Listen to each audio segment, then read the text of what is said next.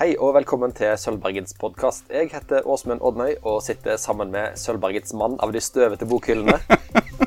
nemlig Thomas Gustavsson. Jeg så ut du skulle si noe kjekt. I eh, denne serien så snakker vi om eh, klassikere, og alle de ti episodene vi har lagd til nå, finner du i uh, podkasten vår der du fant denne. Og hvis du har tilbakemeldinger til oss, ris, ros og alt midt imellom der, så vil vi veldig gjerne høre fra deg. I denne episoden skal vi snakke om en klassiker som kanskje ikke er så kjent som noen av de andre vi har vært innom. Den heter Ask the Dust, Spør støvet, av John Fante. Vi tror det uttales eh, ikke sånn, men vi kommer til å si det på den måten likevel. Han er en uh, italiensk-amerikansk uh, forfatter som, uh, som levde på 1900-tallet. Og tittelen 'Spør støvet', vet du hvor den er henta fra, Thomas? Ja, det står på baksiden av boken. Når du sa ja, så trodde du ja, jeg har gjort research, men du har lest på baksiden av boken. Eh, ja, nei, jeg har også gjort research. Det står her. Uh, det, det, er fra uh, løytnant Glan. Ja, det er en Hamsun-tittel. Altså, 'Ask the Dust' spørstøvet av John Fante. Noen raske fakta om den for å sette den inn i, i kontekst. Den ble utgitt i 1939, og timingen for utgivelsen har blitt omtalt i en artikkel jeg leste som 'The Ultimate Publishing Nightmare'. ja. Verden var jo i ferd med å gå til krig. Og uh, forlaget til uh, John Fanti, som skulle gi ut 'Ask the Dust', vet du hva de var, strevde med på i 1939, Thomas? Hva deres store prosjekt var? Nei, men det var, var det en rettssak? Nei, de, hadde, de drev og skulle utgi 'Mein Kampf' av Adolf Hitler. Oh, ja, det var det, ja. I, det... I, full versjon. Ja. Så de hadde ikke så mye energi til hans bok. Jeg forstår. Men det, det var også en rettssak fordi at de gav den ut uten å eie rettighetene. Uh, så det, uh, det, var en uh, Han var veldig uheldig. Ja, det var ekstremt uheldig. Uh, ja. Og 'Ask the Dust' den uh, kom ut i 1939, og det handler om en, uh, en hovedperson som heter Arturo Bandini. Han er en litt rufsete forfatter som ligner en del på John Fante sjøl. Og det er flere bøker om Bandinis liv. og de er publisert med så store mellomrom som fra 1939, altså, og den siste kom i 1985, etter at John Fante sjøl var død.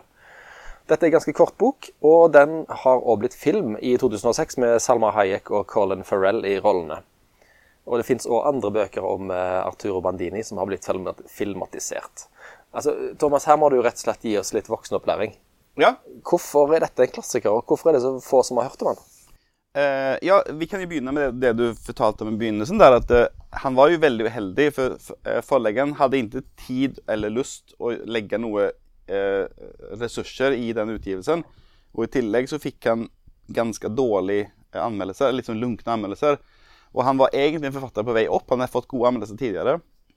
Men så pga. At, det, at alt det som skjedde, da, at han fikk litt lunkne anmeldelser eh, Verdenskrigen kom, og forleggeren var ikke interessert.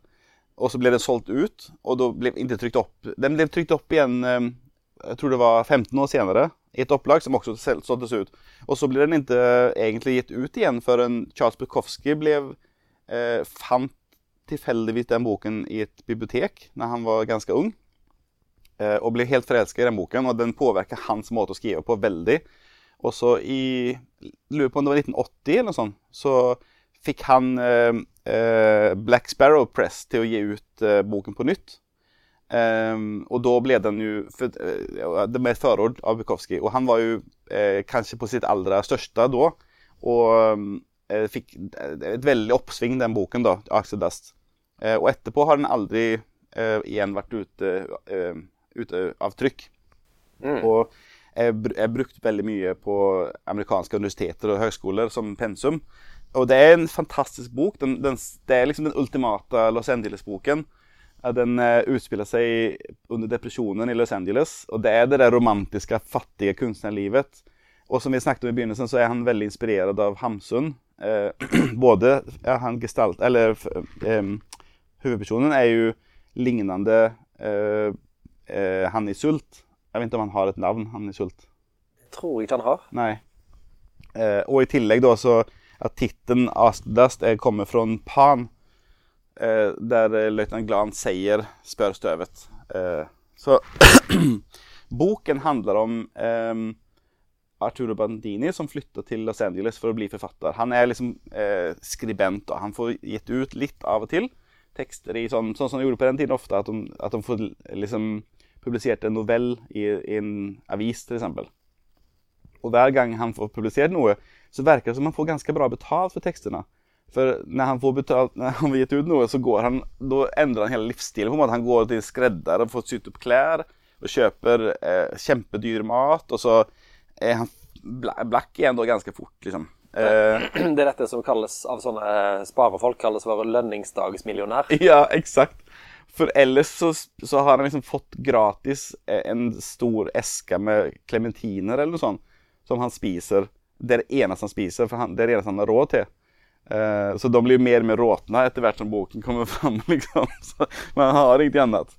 Og så eh, uh, Jeg kan bare si det, grunnen til at jeg leste boken, det var at um, Kanskje et år siden eller noe, så var det noen her på Sølvberget som hadde en sånn eh, liten eh, kampanje der man skulle velge en bok fra bokhyllan som man ikke hadde lest. En bok som han eide, men ikke hadde lest. Og så la jeg ut den, denne boken, og så to andre. Og så spurte jeg mine følgere på Instagram hvem, hvilken bok jeg skulle velge, og da ble det eh, John Fante. da. Og jeg har hatt lyst til å lese den boken siden jeg var ung. Ved den som jeg har hjemme, tror jeg har eid i 25 år. Eh, fordi jeg var veldig glad i Bukowski da jeg var ung, sånn som mange er. Liksom. Du romantiserer det skitne, liksom. Og så når han sier at, at John Fante er hans store helt, så ville jeg lese det. Så hadde det bare stått i bokhyllen, for jeg har lest andre ting underveis. da. Men eh, ja, Arturo Bandini eh, går rundt i fattigdom. Eh, han blir forelska i en eh, servitris som heter Camilla, som er meksikansk. Han selv er italiensk-amerikansk. Men av en eller annen grunn så mener han at hun er en skitten eh, utlending, mens han eh, er ikke det. Selv om de begge to er på en måte latino, da. Men han behandler henne dårlig, og hun behandler han dårlig. Men likevel så trekkes de mot hverandre. Eh, og hun vil ikke ha han, for hun er forelsket i en kollega. Eh, og han, kollegaen sier han vil ikke ha henne. og kollegaen sier til henne, til, til, Arturo at du må behandle henne dårlig, så vil hun ha deg. Så det er veldig sånn eh, negativ spiral her, da. Um, er det du nevner fattigdommen. Er det en samfunnskritisk tekst, dette? Eh, nei, eh, det syns jeg ikke. Mer enn bare en, eh, et portrett av eh, depresjonens eh, Los Angeles. Og vi har jo snakket om andre bøker som, handler, som utspiller seg depresjonen. Ja, altså Canary Row av John Steinbeck. Ja. Som jo er mye mer eh, solfylt. Ja, absolutt. Eh, den, den, her er jo ikke på noen måte morsom, eller sånn. Men den er utrolig bra. Og den, det er liksom Du kan se for deg han går rundt har sett, Man har jo sett mange sånne filmer fra den tiden og sånn. Du kan se for deg han Arturo. Mm. Eh, den, men den er Den er trist, da.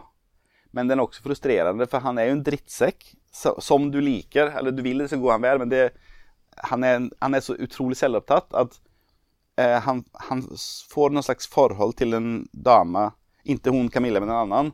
Og så ligger han med henne, og så, når han har gjort det, så kommer det et jordskalv. Eh, og da tror han at det er Gud som straffer han for at, for at eh, han har legat med noen uten å være gift. Og eh, mange hundre mennesker dør. Så han tror at det er hans feil, da. Så selvtatt er han, liksom. Må en, må en, ha lest andre bøker om Bandini for å, for å få det, sammenhengen i, i, denne? Nei.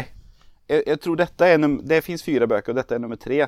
Men jeg visste ikke om det før jeg forberedte meg til denne podkasten. Jeg hadde inget uh, Jeg har ikke så veldig lyst til å lese mer om han heller, men jeg syns denne boken er fantastisk. Um, og så En kul ting med boken er at um, det virker som at boken liksom blir til at den boken han går og skriver på, er den boken vi leser. Uh, det forstår man liksom i slutten, da. Uh, at, han, at, man er liksom med i det han skriver. Dette er jo et litt sånn eh, postmoderne trekk. Nesten altså ganske tidlig ute med å Veldig. fiksjonalisere sin egen uh, boklighet. Ja. Det, det, det, finner en jo i, i, andre bøker. Og jeg leste en bok i, som fjor som heter Fata Morgana av Roy Jacobsen. Okay. Og Den er, handler om en forfatter som leier seg hus i, for å skrive bok. Og der, Jeg husker ikke helt nøyaktig, men det er litt av det samme der. At Han kommenterer nå har jeg kommet til kapittel 16, og så er det kapittel 16. Jeg elsker det! Jeg syns det er kjempegøy. Jeg, jeg, er veldig, jeg er sånn sucker for sånne små Ja. ting. Jeg, jeg liker det veldig godt. Det kan jo bikke over til å bli litt sånn eh, sjølopptatt, men eh, når en får det til, så er det jo eh, veldig elegant. Ja. Og her, her så eh, er det liksom ikke på den måten. Her er det mer sånn at Å, wow, er det sånn? Liksom, eh, Forstår du plutselig. Ja, Eh, ja. ja. Det, eh, det var en film som kom i fjor, tror jeg, av eh, Pedro Almodovar. Jeg husker ikke hva han heter. Men, eh, men der er det sånn når, når scene Når vi ser siste scenen, så, så zoomer de ut, og da ser vi på en måte filmcrewet rundt. Oh, wow. så, de, så vi har liksom sett filmen som denne filmskaperen filmen handler om, har laget. Jeg liker det. Ja, Når det er bra gjort, så liker ja. jeg det kjempegodt. Jeg kommer ikke på hva den heter, men det kan jeg legge inn i episodebeskrivelsen. I hvert fall tänkte vi, før vi avslutter her da, at eh, det er også fascinerende at eh, han ble på en måte litt knekt av at denne boken ikke ble noe av da. Så han, han nesten å skrive. eh, og ble ehm, screenwriter i Hollywood. Og skrev, altså ble sånn eh, han, eh, altså, når han hadde dødd, eller når han var veldig gammel For Bukowski ble venn med han da. Og da fikk han et oppsving igjen, men det var ikke mange år som han levde mens hans bok var populær, så han levde på en måte i 40 år på sånn lav eksistensnivå, på en måte.